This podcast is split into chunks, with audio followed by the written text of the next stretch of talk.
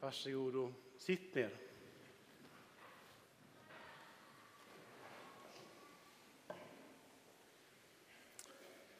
Jesus, tack för att vi får fira gudstjänst tillsammans denna söndag. Och tack för att du som är den levande guden, tack för att du är här. Tack för att du är här med din helige Ande.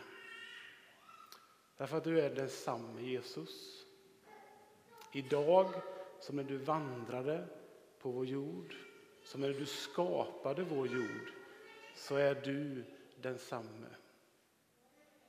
Och tack för att du vill möta med oss denna söndag. Därför att du har ett tilltal till oss. Därför att du känner oss vid namn. Därför att du har räknat hårstråna på vårt huvud. Herre, vi tackar dig för den gåva som vi har fått ge till ditt rike, Herre. Och Herre, vi ber om din klokhet, din vishet att förvalta dem på bästa sätt.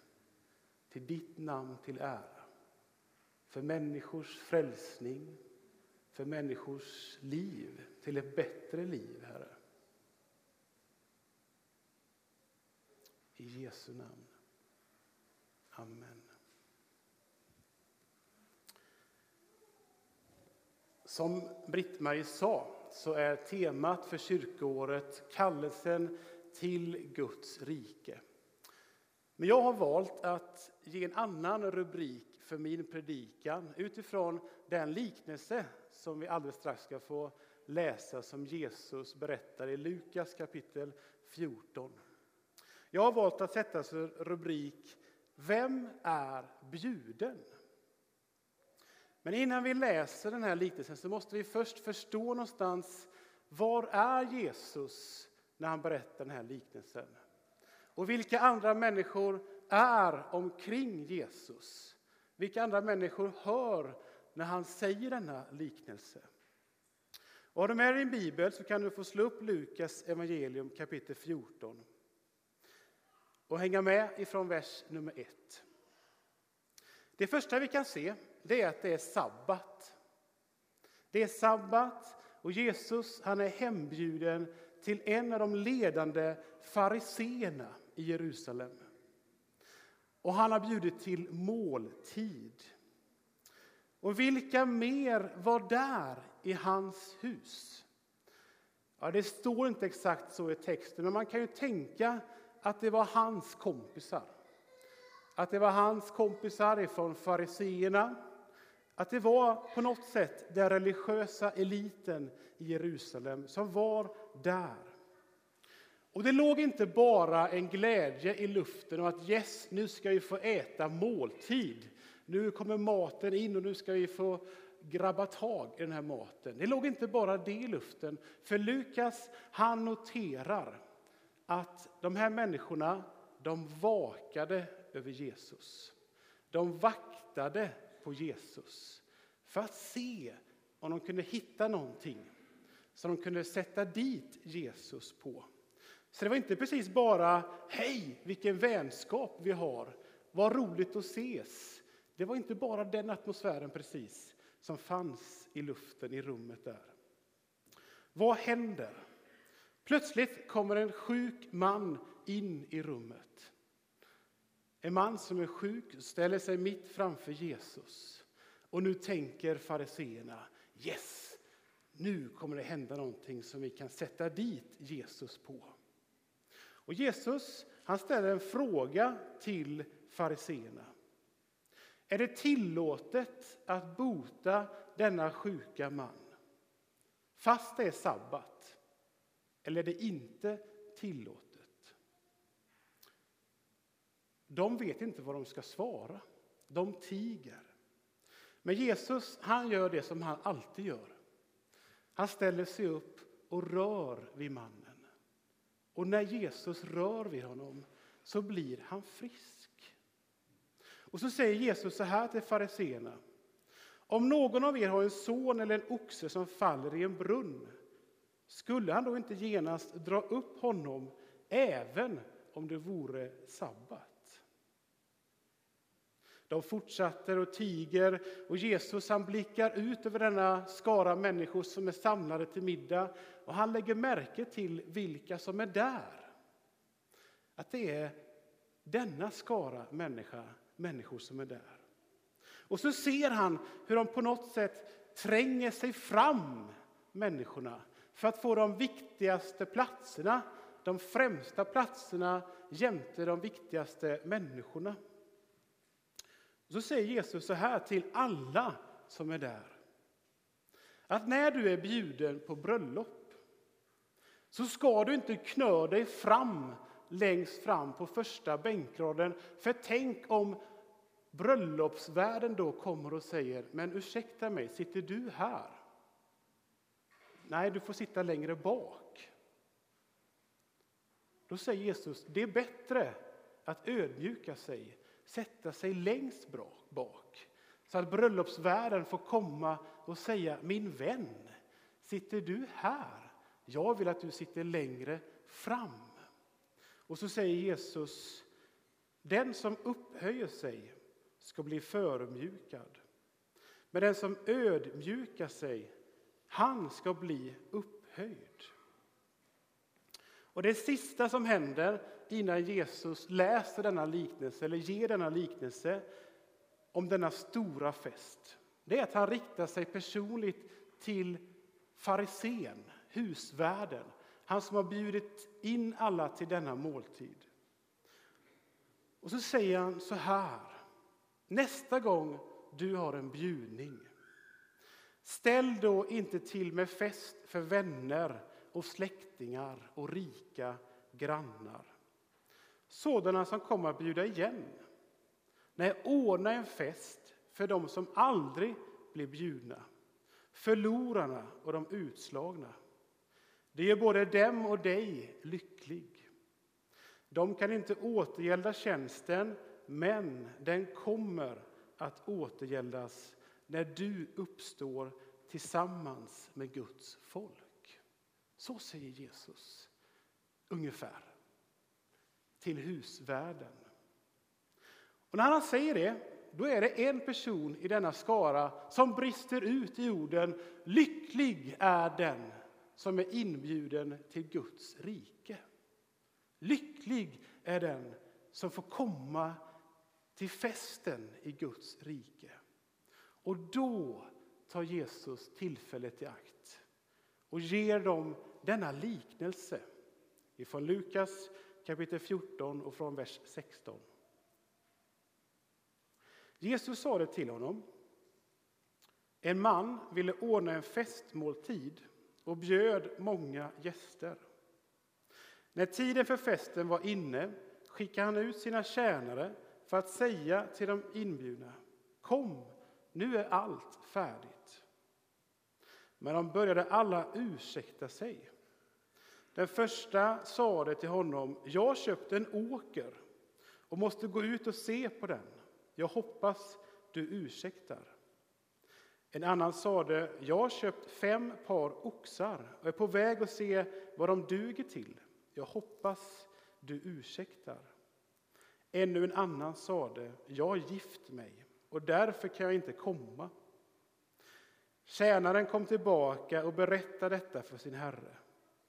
Då blev denne vred och sade till sin tjänare, gå genast ut på gator och gränder i staden och för hit fattiga och krymplingar blinda och lama. Tjänaren sade, Herre, vad du befallde har jag gjort, men här finns fortfarande plats. Då sade Herren till sin tjänare, gå ut på vägar och stigar och uppmana enträget människor att komma in, så att mitt hus blir fullt. Ty jag säger att ingen av de män som var bjudna ska smaka min måltid. Igår hade jag barnkalas hemma. Så jag hade inte möjlighet att sitta bänkad framför tvn och följa det stora bröllop som nu var i Stockholm. Men du kanske gjorde det. Du kanske satt fastklistrad och såg på Carl Philip och Sofias bröllop. Sen hör det till saken att jag är inte den som tycker det är jättekul att kolla på kungligheter och på massa vackra klänningar. Som ni förstår så jag hellre kolla på Falkenbergs FF. Men du kanske satt där igår och såg på denna kunglighet och detta megastora bröllop som så många människor utöver vår värld följde igår. Jag såg några glimtar. Den fråga som jag tycker är intressant är att ställa. Vem var bjuden? Vem fick komma? Vilka namn stod det på Carl Philip och Sofias inbjudningslista? Och jag har inte koll på den, men min gissning säger att det var inte så speciellt många människor ifrån Rinkeby, ifrån Tensta eller från Smålands stenar på den listan. Utan det var eliten av kungligheter i Europa. Det var människor med inflytande, med makt, med pengar. Vem var bjuden? Vem fick komma på denna bröllop? Vem är bjuden till Guds stora fest? När Gud ställer till till en stor fest, vem är då bjuden? Jesus han säger att alla är bjudna. Alla människor är bjudna. Men alla vill inte komma. Vi har fått läsa och vi har fått höra denna liknelse. Den innehåller tre personer som har tre ursäkter. De vill inte komma på denna fest. Den ene han har investerat i en ny åker som han måste gå och se till. Den andra han har investerat ganska så rejält. Han har köpt tio nya oxar vilket måste ha kostat en ganska så bra förmögenhet. Han måste också gå till sina oxar och se hur de mår, hur de har det. Och den tredje är lite speciellt.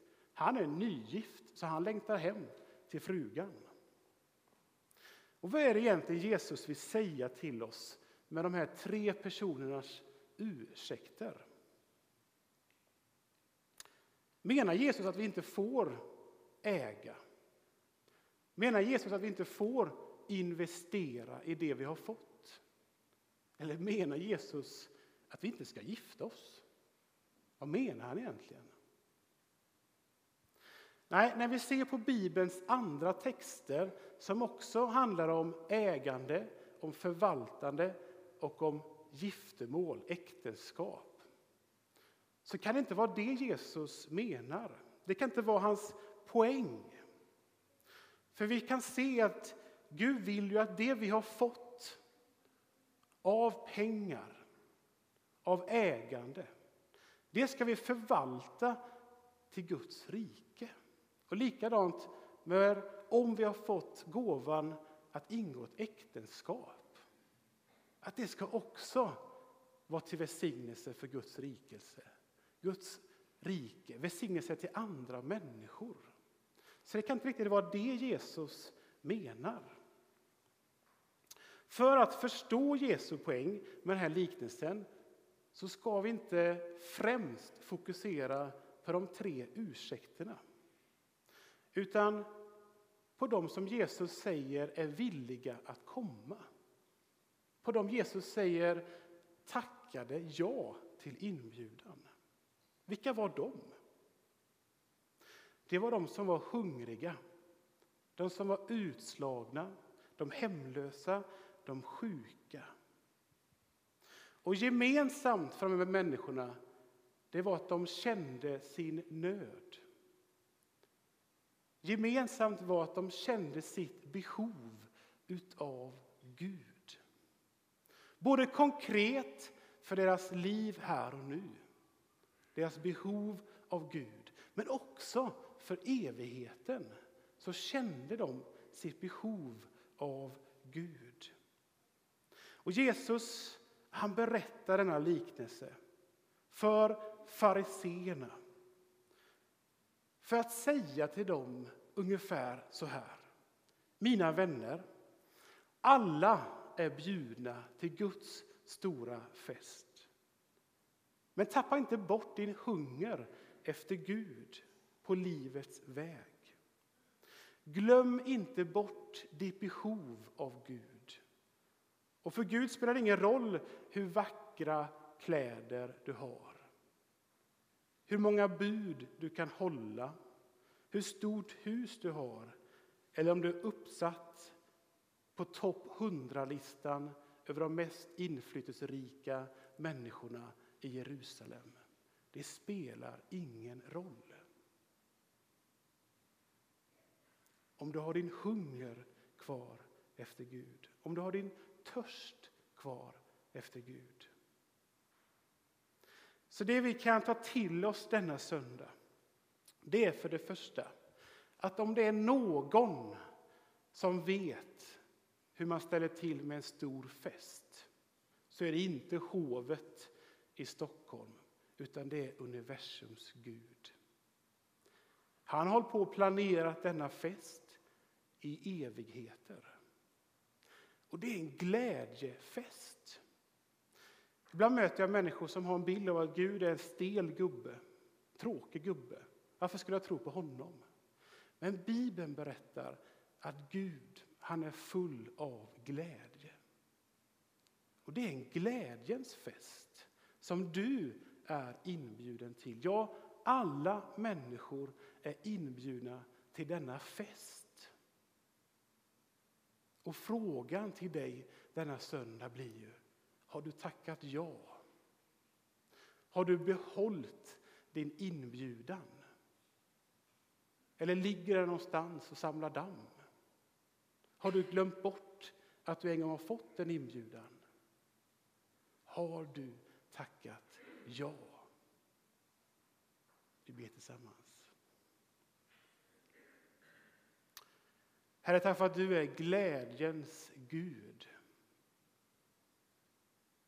Herre, igår så fick vi höra eh, när det vackra brudparet gick ut ur kyrkan. Joyful, joyful Lord.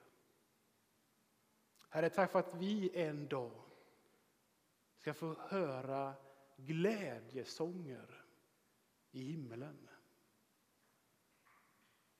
Sånger som du har skrivit. Sånger som du har gjort musiken till, Herre. Herre, tack för att om det är någon som kan planera och fixa en stor fest så är det du. En glädjens fest. Där ingen sorg mer ska finnas. Där ingen sjukdom mer ska finnas. Där ingen synd och elände mer ska finnas. Och Herre, tack för att du riktar inte din inbjudan till den religiösa eliten, till samhällets mest inflytelserika människor eller till kungligheter. Herre, tack för att din inbjudan den sträcker sig till alla människor. Därför att du på ett personligt sätt har bjudit in oss och bjuder oss in till denna fest. Och därför att det blir glädje i himlen när vi tackar ja. När vi är på väg till din fest. I Jesu namn. Amen.